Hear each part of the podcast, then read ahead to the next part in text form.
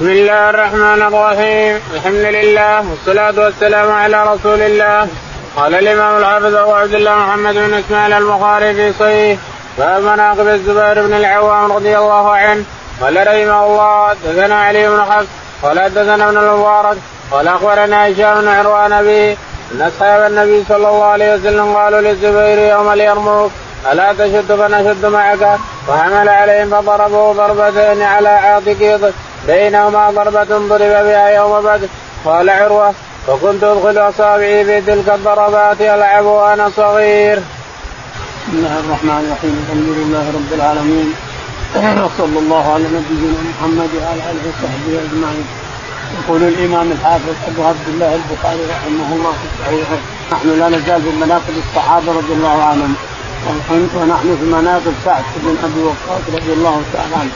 الزبير آخر مناقب الزبير بن مناقب الزبير بن العوام رضي الله تعالى عنه وأرضاه.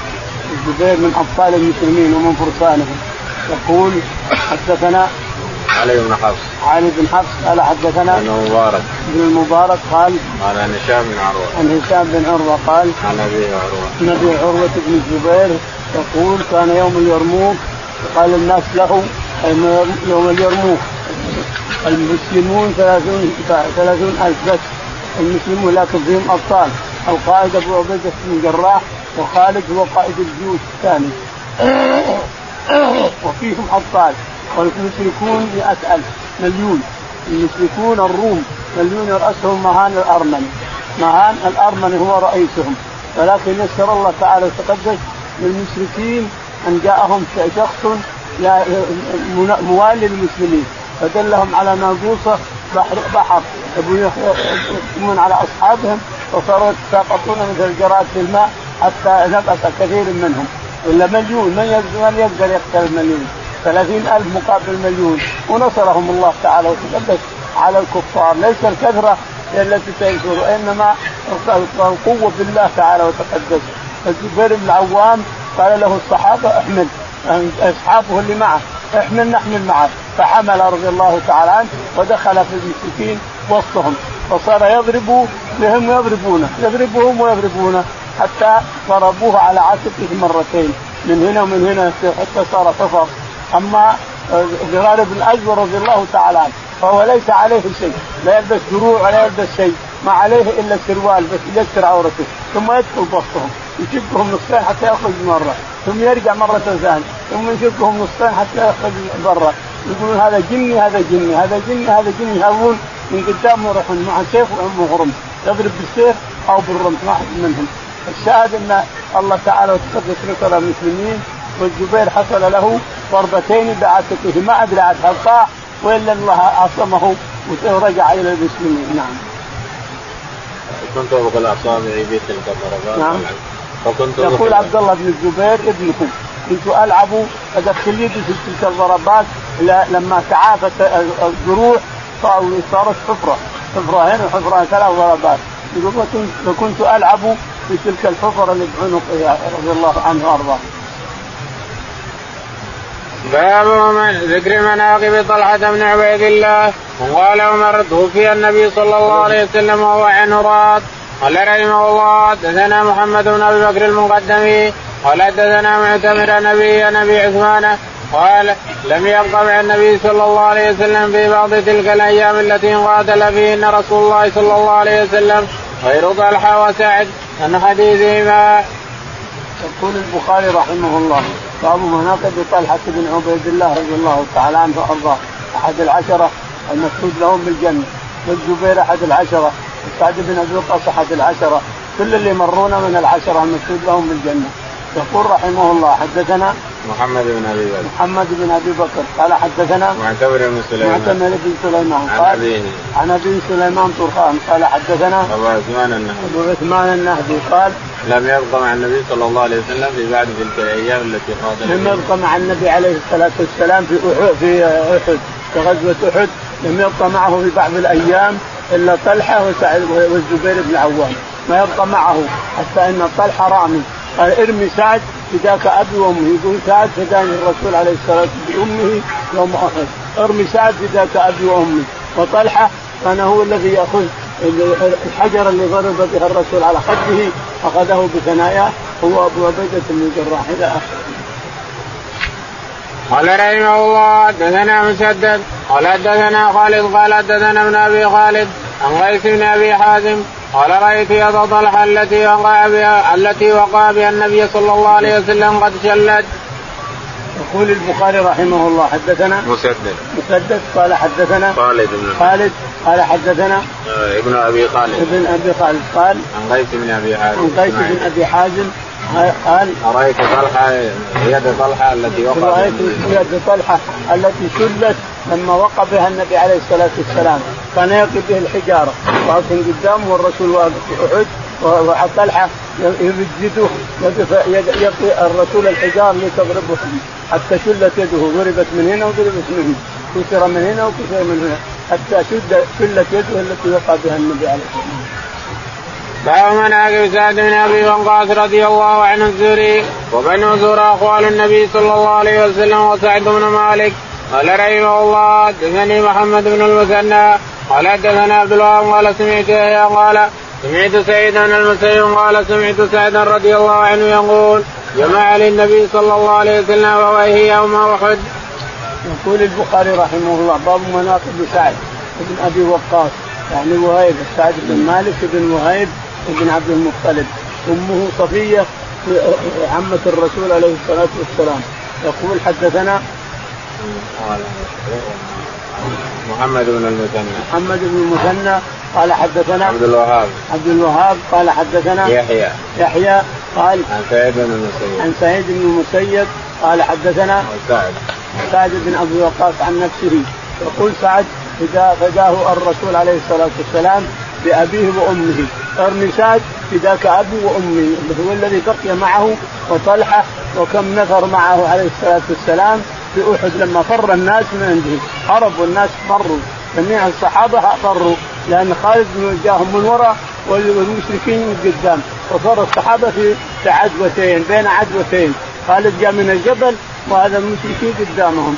فصاروا في عدوتين ففر كثير منهم. هذا يقول ما بقي مع الرسول إلا نفر قليل يعدون بالأصابع. طلحة وسعد وأبي عبيدة بن الجراح إلى آخره. والشاهد إن سعد يقول له الرسول إرمي فداك أبي وامي معه معه نبل يعطيها الرسول النبل يقول إرمي فداك إرمي سعد فداك أبي وأمي. نعم. قال رحمه الله حدثني مكي بن إبراهيم قال حدثنا هاشم بن هاشم عن عامر بن سعد عن رضي الله عنه قال رأيتني وأنا ثلث الإسلام.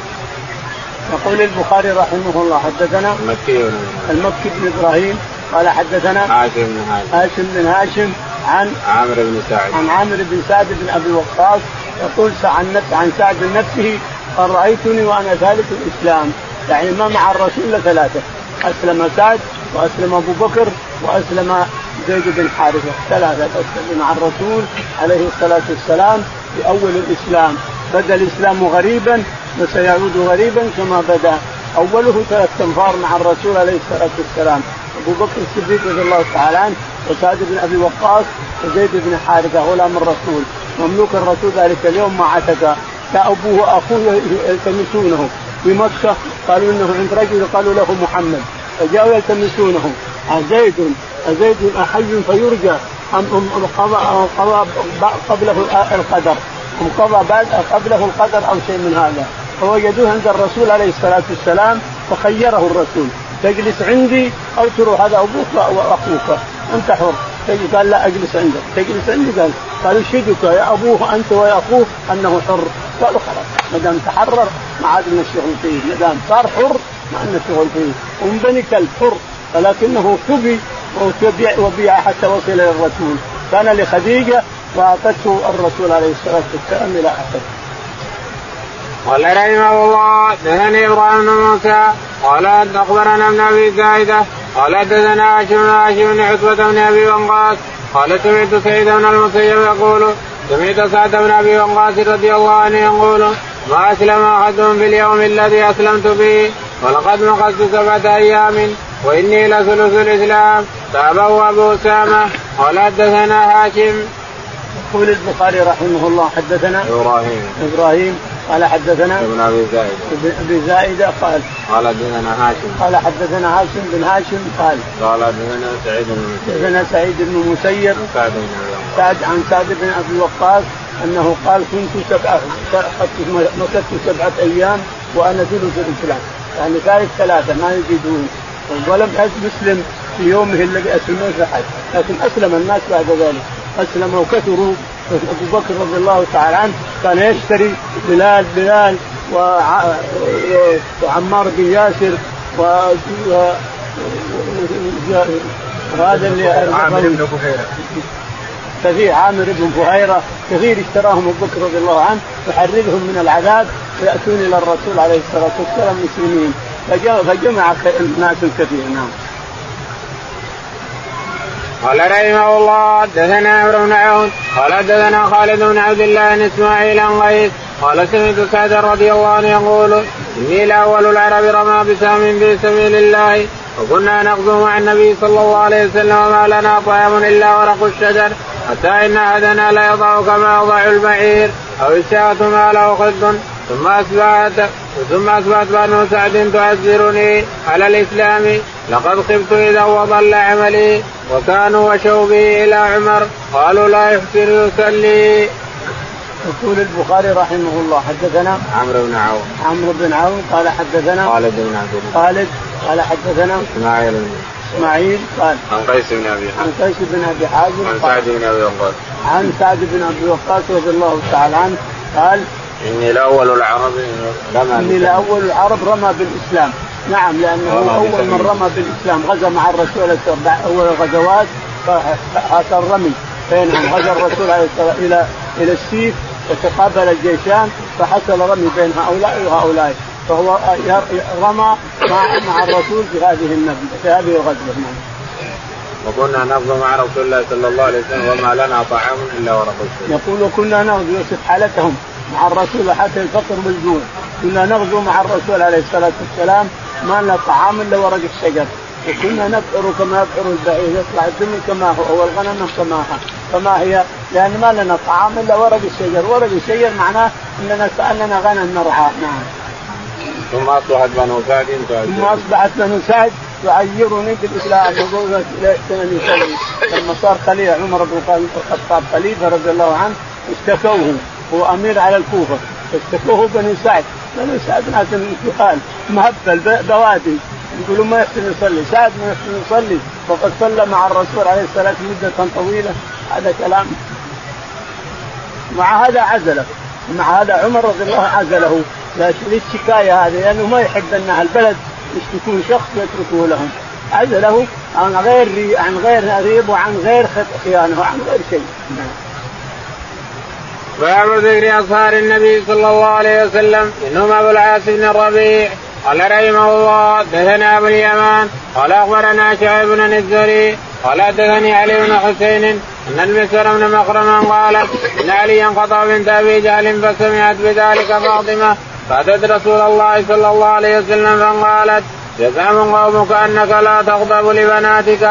وهذا علي ناكب بنت ابي جهل فقام رسول الله صلى الله عليه وسلم فسمعته إن تشهد يقول أما بعد قد انكحت أبا العاص بن الربيع وحدثني وصدقني وإن فاطمة بضعة مني وإني أكره أن يسوءها والله لا تجتمع بنت رسول الله صلى الله عليه وسلم وبنت عدو الله عند رجل واحد فترك علي الخطبة وزاد محمد بن عمرو بن حلالة عن ابن شهاب عن علي عن المسور سمعت النبي صلى الله عليه وسلم وذكر سيرا له من بني عبد شمس فأثنى عليه بمصارته جاء فأحسن. قال حدثني فصدقني ووعدني ووفى لي فوفى لي.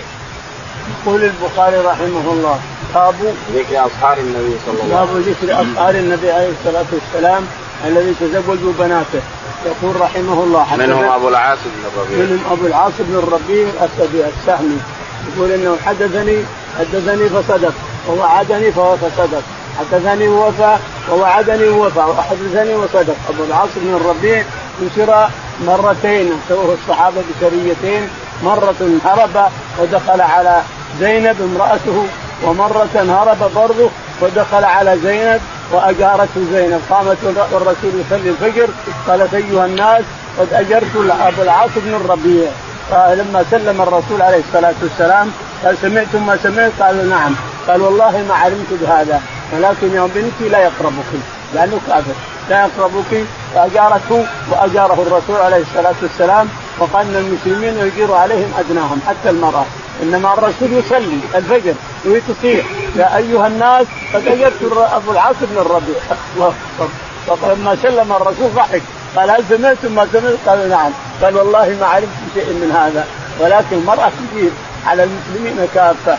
فقال لها الرسول لا يقربك يا بنيتي لا يقربك لأنه كافر. أسلم بعد ذلك. اسروه مرة ثانية ثم أسلم ولما أسلم ذهب إلى إلى قريش هنا وقال هل عندي لكم كذا؟ ولا من عندي حاجة يجي. اجتمعوا عليه ثم أعطاهم حاجاتهم اللي عنده لأنه تاجر. يروح يشتري يعطونه الناس بضائعهم يجيب لهم فوائد يجيب لهم كذا. لما أعطى كل ذي حق حقه ذهب إلى المدينة وأسلم. قال ما أنا مسلم قبل خاف يقولون أسلم علشان يهرب في أموالنا. لما أعطاهم أموالهم شوف الأمانة. أخشى يقولون أسلم والمال وأموالهم عندي يقولون بياكل اموالنا أعطاهم هذا فلان كذا وكذا هذا حقك فلان هذا حقك فلان. انتهينا؟ انتهينا. راحت شهد شهادة الحق. وأسلم رضي الله عنه وأرضاه. وحسن إسلامه. وأقر الرسول عليه الصلاة والسلام نكاحهما على ما كان عليه. اقر نكاح زينب وأبو الربيع بن عاص على ما كانوا عليه. ما عقد لهم عقد جديد قال حدثنا أبو اليمان. يقول حدثنا أبو اليمان قال حدثنا سعيد سعيد قال حدثنا الزهري.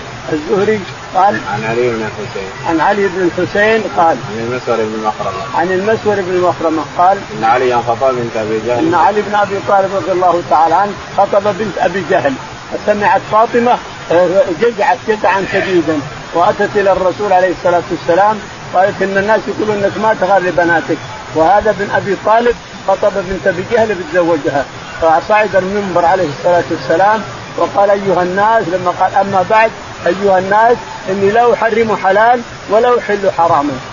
حرام الحلال ما أحرمه ما أقول حرام. الزواج حلال ولا أقدر أحرمه ولا أحرم حلال إذا اراد ولكن إن ابنتي يريبني يريبني ما ما ارادها وإنها بضعة مني وأخشى أن تفتن في دينها.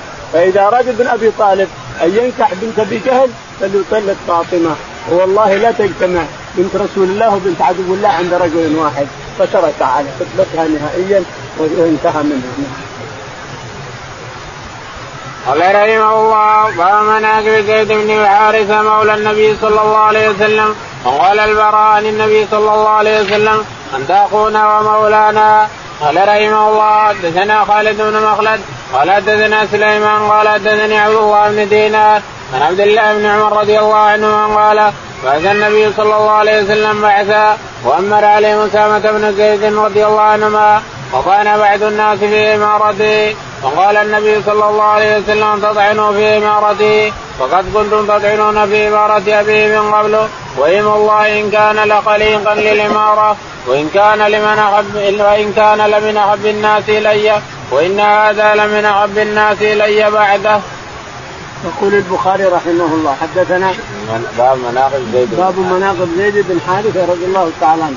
زيد بن حارثه مملوك لخديجة رضي الله تعالى عنها وأعطته الرسول عليه الصلاة والسلام.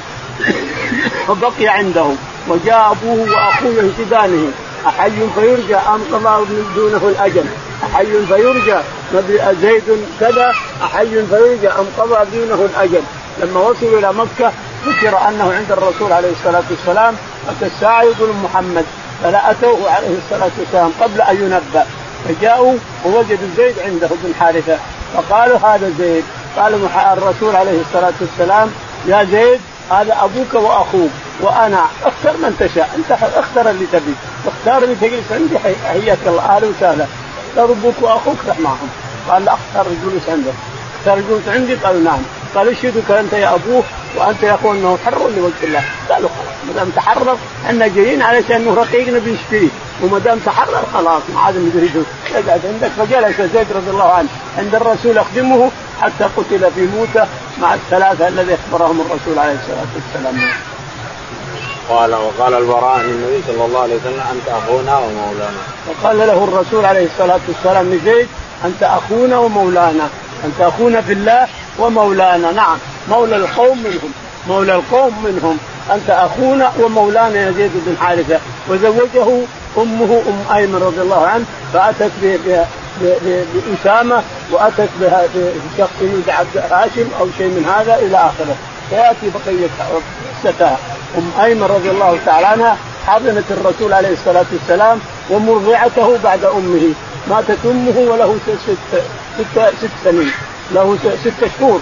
له ست شهور فأرضعته ام ايمن وحضنته وارضعته وصارت هي أمي هي أمي ما بعد أمي إلى آخره. نعم. قال حدثنا خالد بن يقول حدثنا خالد بن مخلد قال حدثنا سليمان. سليمان. قال حدثنا عبد الله بن دينار. عبد الله بن دينار. قال عن عبد الله بن عمر. عن عبد الله بن عمر رضي الله تعالى عنه. قال بعث النبي صلى الله عليه وسلم بعثه وأمر عليهم اسامه يقول إن الرسول عليه الصلاة والسلام بعث بعثا وأمر عليهم أسامة بن زيد فطعن الناس في اماره زيد فقال وايم الله إن إنه لا خليكم بالأمارة. وإنكم لتطعنون لقد طعنتم في أبيه. ويلعن الله ان أن أباه خليق بالأمارة وإن اسامه خليق بالأمارة. الرسول عليه الصلاة والسلام جيش الجيش قبل وفاته بقليل وأمر عليهم اسامه بن زيد. أمر على الجيوش اسامه معهم أبو بكر وعمر وكبار الصحابة أميرهم اسامه بن زيد. لكن لما توفي عليه الصلاة والسلام وصار أبو بكر أراد أسامة أن يرجع إلى المدينة. خلاص الرسول توفي ليه نخرج معه جيوش هائلة. فقال أبو بكر ما يمكن. أن في الجيش عقده الرسول اذهب أنت واخرج من المدينة. وصار تعالى وتقدس. عز هذا الجيش. اللي خرج عز للاسلام والمسلمين وأذل الله الأعراب اللي كانوا يغيرون على المدينة، الرسول مات نغير على المدينة ننهبها، طلع الجيش. طلع الجيش ناس يخرج منهم. هذا الجيش ما نقدر نجيهم فأعز الله الإسلام ومنع الله المدينة والا بهذا الجيش اللي طلع مع أسامة بن زيد. حتى إن أبو بكر يمشي بالأرض وأسامة راكب. قال اما ان تركب يا خليفة الرسول وإلا أنا حول. قال ما أنت نازل ولا أنا راكب. وكان يوصيه افعل كذا وافعل كذا وافعل كذا حتى خرج الجيش. وأبعد ولما رأى الاعراب أن هذا الجيش خرج من المدينة ما نقدرهم، جيش يخرج من المدينة يخرج من هذا الجيش ما نقدرهم، فمنع الله تعالى وتقدس المدينة بسبب هذا الجيش اللي خرج بوصية الرسول عليه الصلاة والسلام، نعم. وإن كان لمن احب الناس إلي.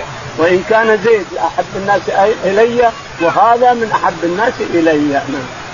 قال رحمه الله حدثنا يحيى بن غزاه قال حدثنا إبراهيم بن سعد عن الزهري عن عن عائشة رضي الله عنها قالت دخل علي غائب والنبي صلى الله عليه وسلم شاهد واسامه بن زيد وزيد بن حارثة مضطجعان فقال إن هذه الأقدام بعضها من بعد قال فسر بذلك النبي صلى الله عليه وسلم اعجبه فأخبر به عائشة. يقول البخاري رحمه الله حدثنا يحيى.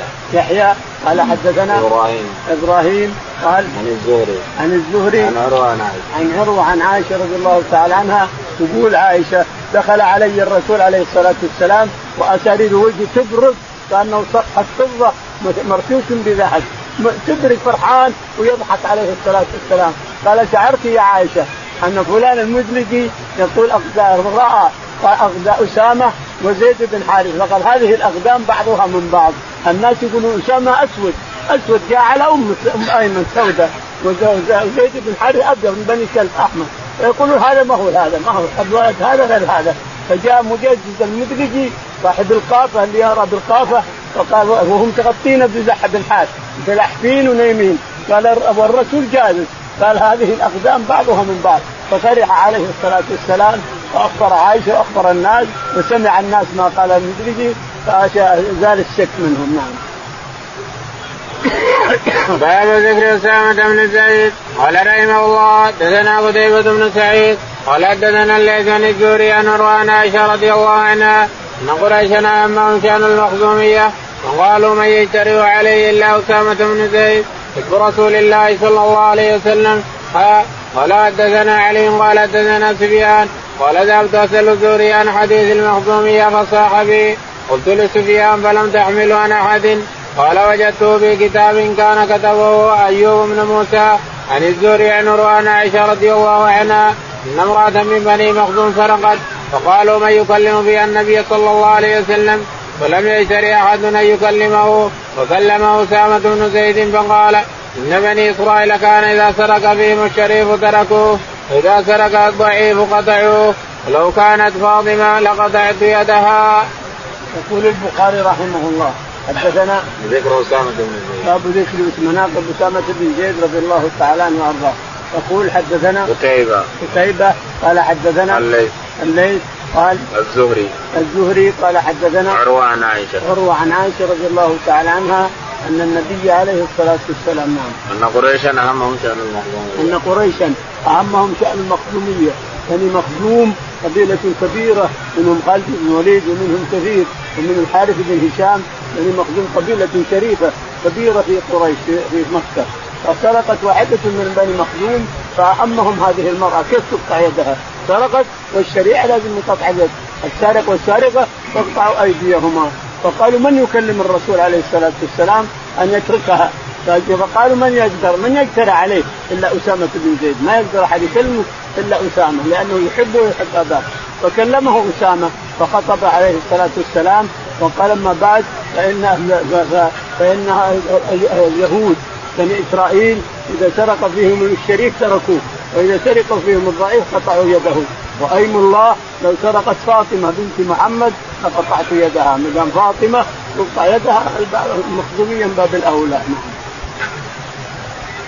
باب قال رحمه الله حدثني الحسن بن محمد قال حدثنا أبو عباد يحيى بن عباس قال حدثنا الماجشون قال أخبرنا عبد الله بن دينار قال نذر ابن عمر يوم وهو في المسجد إلى رجل يصحب ثيابه في ناحية المسجد.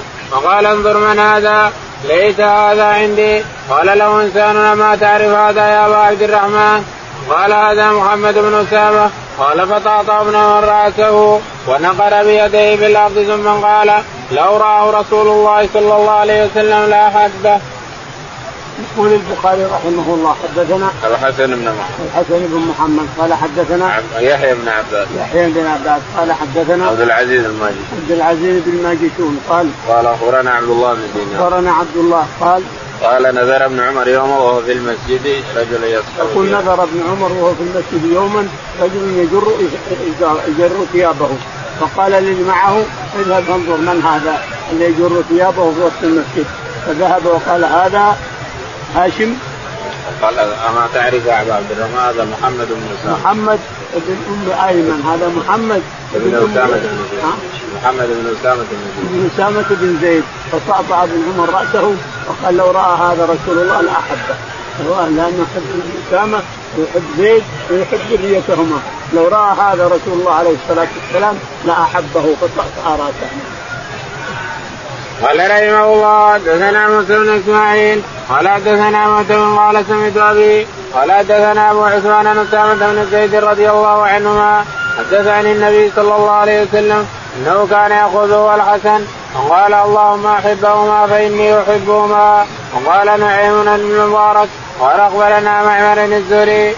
اغني الزهري. قال أخبرني مولى لأسامة بن زيد. أن الحجاج بن أيمن بن أم أيمن وكان أيمن بن أم أيمن اخا اخا أخا أسامة لأمه وهو رجل من الأنصار رواه ابن عمر لم يتم ركوعه ولا سجوده. فقال عد قال أبو عبد الله وحدثني سليمان بن عبد الرحمن قال حدثنا الوليد قال حدثنا عبد الرحمن بن نمر عن الزهري قال حدثني حرملة مولى أسامة بن زيد.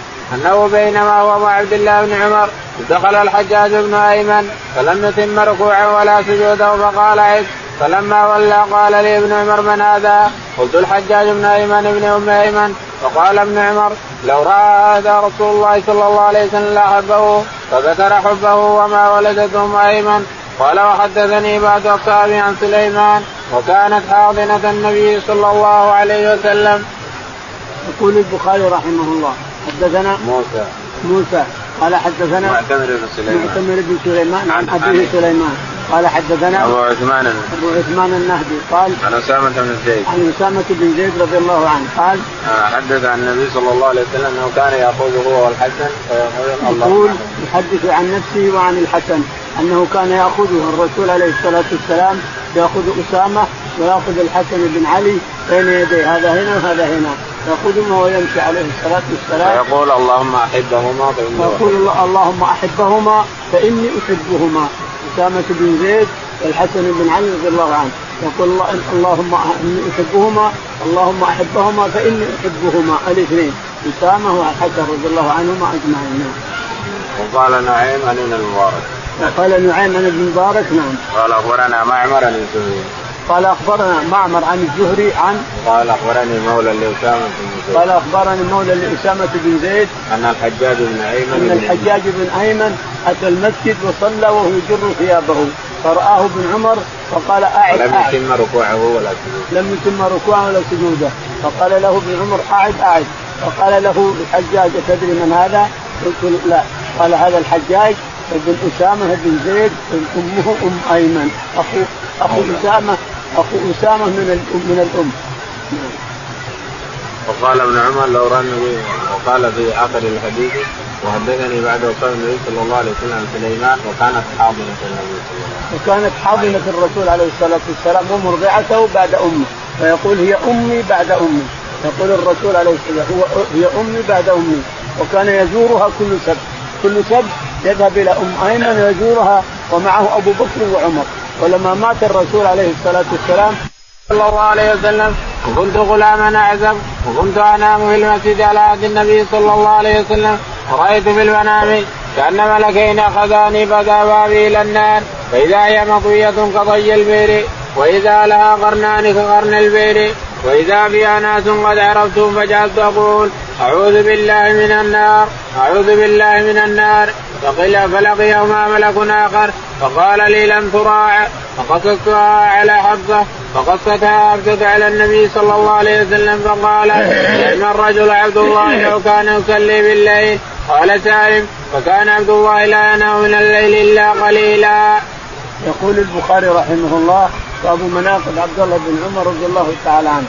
حدثنا إسحاق بن نصر. إسحاق بن نصر قال حدثنا عبد الرزاق. عبد الرزاق قال حدثنا معمر عن الزهري. معمر عن الزهري. عن سالم عن عن سالم عن ابن عمر رضي الله تعالى عنه.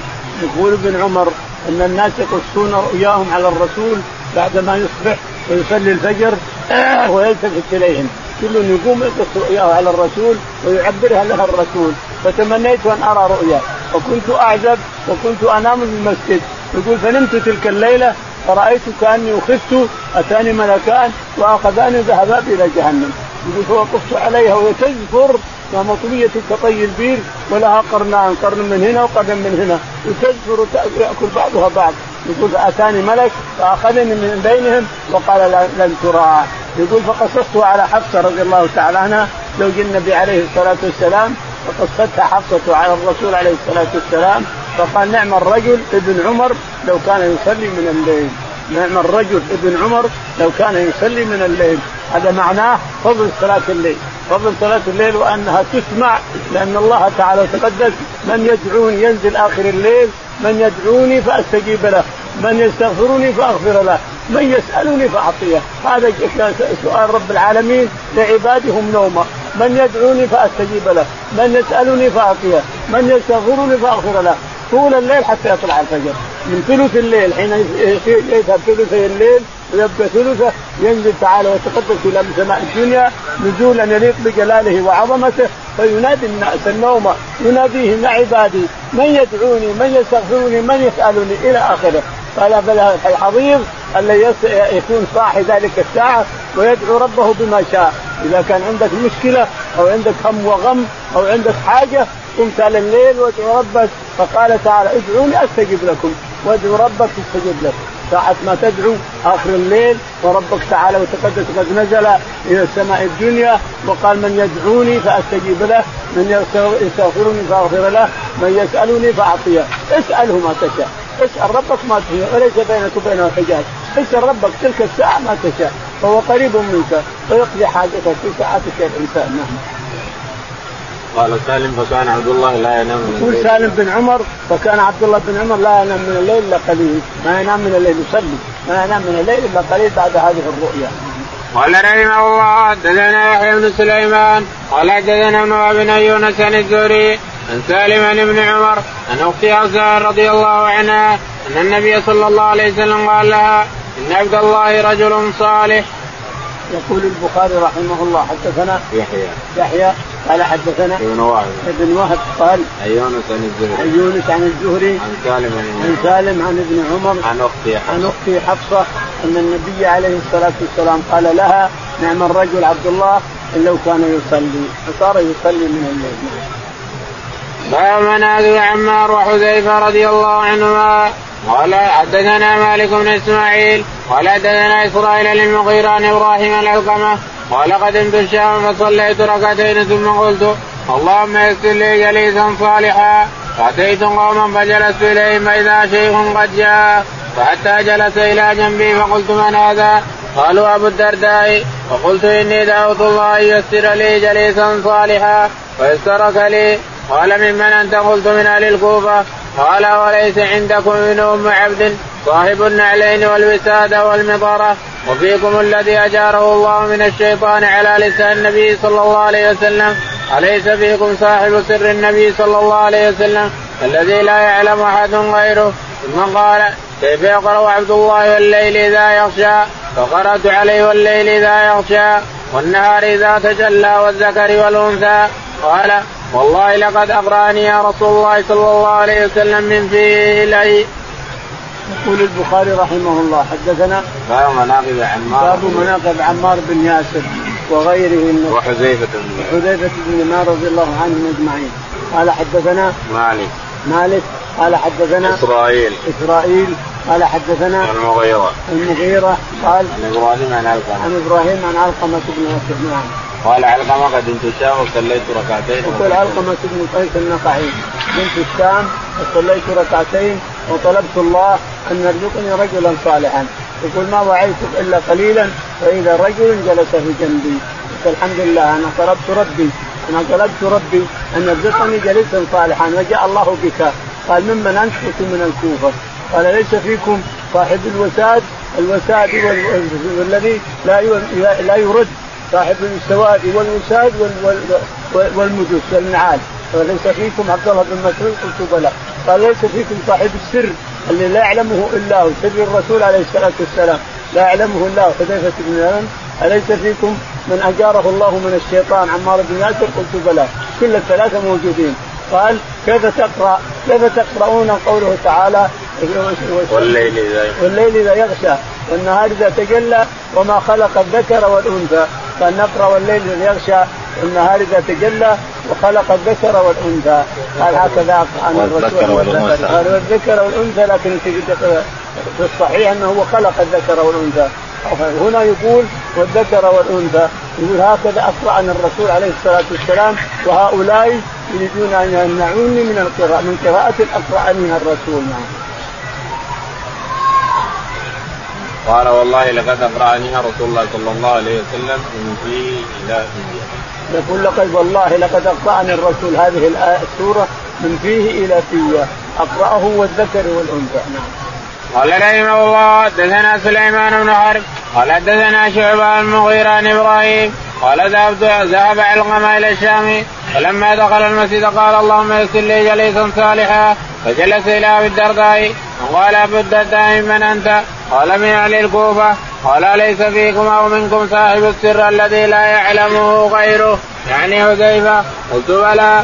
قال ليس فيكم أو منكم الذي أجاره الله على لسان نبيه يعني من الشيطان يعني عمارا قلت بلى. قال ليس فيكم أو منكم صاحب السواك أو السرار؟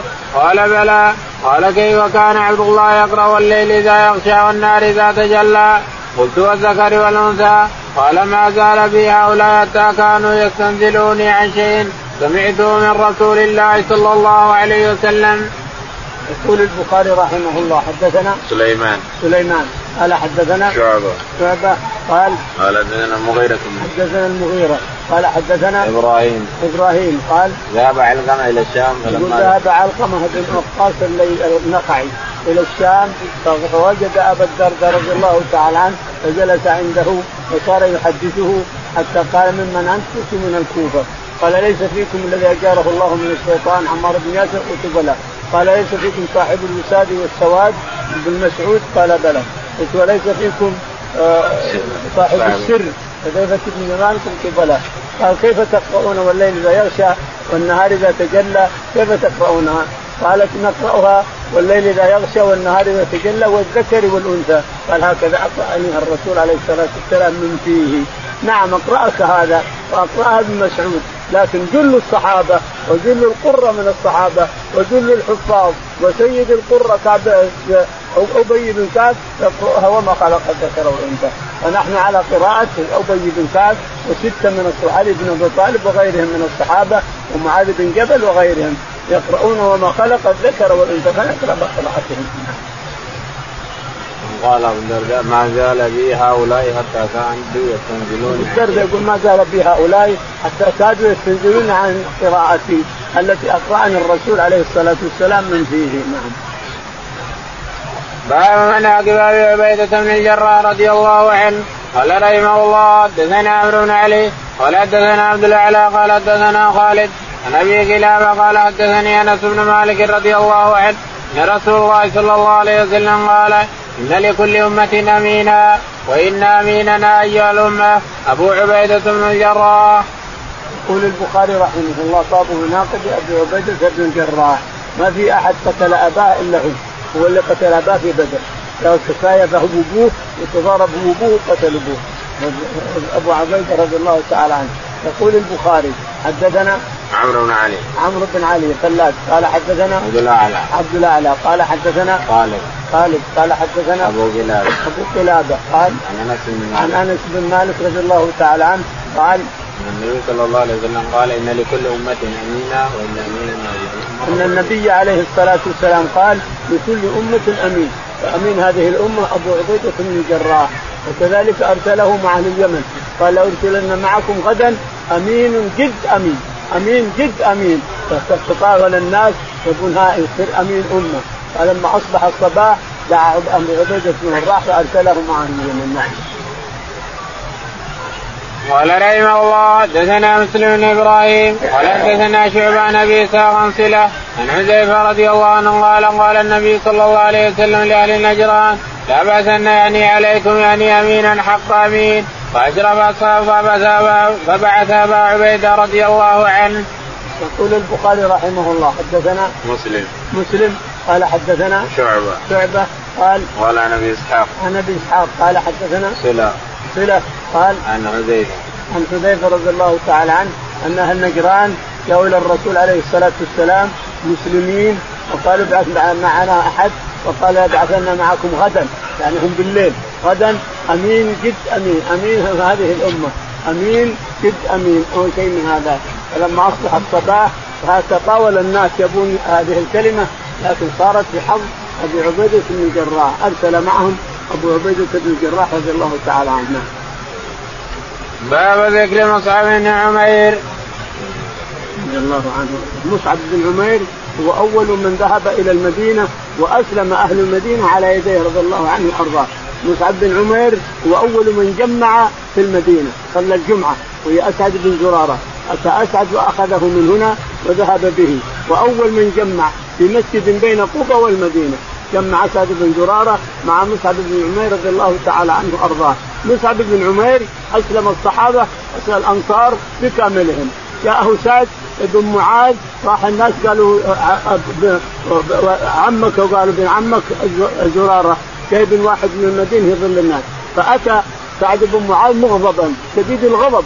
فقال ما هذا يا عمي يا زراره قال له مصعب رضي الله تعالى اجلس اسمع ما نقول إن رضيته ولا منعنا عنك ما تكره. قال أنصفت. فجلس وسمع القرآن فبكى بكى قبل أن يتم. قال ما تفعلون؟ قال اذهب إلى البركة واغتسل وتعال. فذهب إلى البركة واغتسل وجاء شهد شهادة الحق. أشهد أن لا إله إلا الله وأشهد أن محمدا عبده ورسوله. فأسلم سعد بن معاذ رضي الله عنه. يجي سيد بن حضير البطل الثاني اللي اسلم أسلم في المدينة فجاء سيد بن حضير اللي أرسله سعد بن معاذ. قال شوف عمك زرارة عنده رجل يظل الناس. فجاء مغضبا شديد الغضب سيد بن حضير رضي الله عنه. فقال ما لكم تفعلون ما تفعلون؟ قال يا أخي اجلس اسمع ما نقول ان رضيت فذاك وإلا منعنا منعنا عنك ما تكره. قال عن فجلس سيد بن حضير رضي الله عنه فقال فقرأ عليه القرآن فبكى قبل أن يتم قرأ القرآن. ماذا تصنعون؟ قال اذهب إلى البركة واغتسل وتعال. فذهب البركة واغتسل وجاء أسلم. أشهد أن لا إله إلا الله. أشهد أن محمدا عبده ورسوله. لما أسلم اثنين البطلين هؤلاء أسلمت الأنصار بكاملها. أسلمت المدينة بكاملها كلها. نعم. وكان كعب يترضى على أسعد بن زرارة. يقول أول من جمع بالمدينة أسعد بن زرارة في مسجد بين القباء وبين المدينة. نعم. باب مناقب الحسن والحسين رضي الله عنهما. قال نافع بن جبير عن أبي هريرة عنق النبي صلى الله عليه وسلم الحسن قال رحمه الله حدثنا صدقا قال حدثنا ابن عيينة قال حدثنا أبو موسى عن الحسن انه سمع أبا بكر رضي الله عنه قال سمعت النبي صلى الله عليه وسلم على المنبر والحسن إلى جنبه ينظر الناس ينظر إلى الناس مره واليه مره ويقول ابني هذا سيد ولعل الله أن يصلح به بين فئتين من المسلمين. يقول البخاري رحمه الله باب مناقب الحسن رضي الله تعالى عنه قال قال نافع بن جبير عن أبي هريرة عانق النبي صلى الله عليه وسلم. يقول نافع بن جبير عن أبي هريرة رضي الله عنه عانق النبي عليه الصلاة والسلام الحسن ثم أخذه معه إلى المنبر وهو يريد أن يخطب وأجلسه بين رجليه عليه الصلاة والسلام. ثم قال إن ابني هذا سيد وسيصلح الله به بين فئتين متقاتلتين من المسلمين. أصلح الله به تعالى وتقدس. لما صار هو الخليفة في العراق ومعاوية خليفة في الشام وصار أهل العراق يقاتلون أهل النبي قال لمعاوية لماذا نقتل يقتل الناس بعضهم بعض ونحن لأجلنا حنا لاجلي أنا ولاجلك لماذا؟